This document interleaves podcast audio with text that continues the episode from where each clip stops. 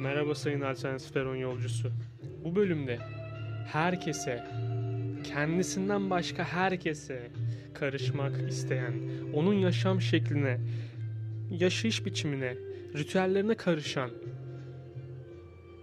ağzından salyalar akıtarak onu hiç etmeye çalışan bazı kişilere, yamuk ağızlı insanlara bir şeyler söylemek istiyorum.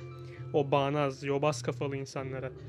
Şimdi bunların bu söylemlerinden dolayı eleştirildikleri zaman da nasıl köpürdükleri de ortada.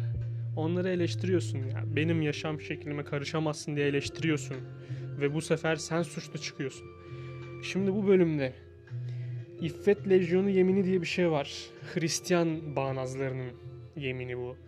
Kendilerini ahlakçı sayan, başkalarının yaşam şeklini her türlü ayaklar altına alabileceğini düşünen, saygısız bir yemin bu.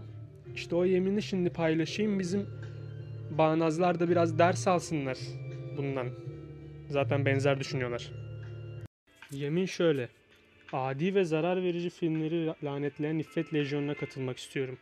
Bu filmleri gençler, aile hayatı, ülke ve din için ölümcül bir tehlike olarak gören insanlarla bir araya geliyorum.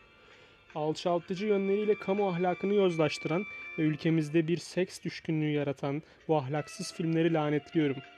Fuhuşun normal bir ilişki biçimi gibi temsil edilmesine, her türlü toplumsal sınıftan suçlunun kahraman olarak gösterilmesine ve bunların iğrenç hayat felsefelerinin ahlaklı erkek ve kadınlarca kabul edilebilir olarak sunulmasına karşı halkı bilinçlendirmek için elimden geleni yapacağım.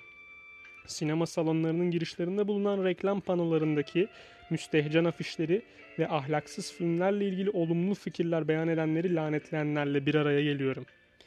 Tüm bu kötülükleri göz önüne alarak ben iffeti ve Hristiyan ahlakının rencide etmeyen filmler dışındaki tüm filmlerden uzak duracağıma ve ayrıca İffet Lejyonu'na olabildiğince çok üye kazandıracağıma and içerim. Bu karşı çıkışımı kendime duyduğum saygı nedeniyle gerçekleştiriyorum ve Amerikan halkının iğrenç filmleri değil, aksine temiz ve eğitimsel niteliklere sahip eserleri hak ettiğini düşünüyorum. Abi diyeceğim şey şu.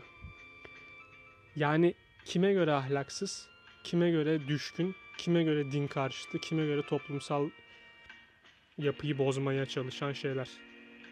Öte yandan diğerleri için de belki de onların yaptığı bu davranış biçimi tamamen saçma. Bu zihniyet neye göre oluşturuluyor? Bu nedenle diğerlerine tabiri caizse bok atmadan önce insan bir kendisine bakmalı. Burada Netflix'te atıyorum bir gençlik dizisi. En son şu örnek oldu. Aşk 101 dizisi örnek verebiliriz. Mesela neymiş? İşte gençler öpüşüyor. Gençler bilmem ne. Abi gençler öpüşüyor da sana ne? Ya bunların kafasındaki şey şu. Hayatını yaşayamamış bu insanlar. Gençliğini yaşayamamış. Bir kez bile el ele tutuşamamış, öpüşememiş bu insanlar. Başkalarının da bunları yapmasını istemiyor.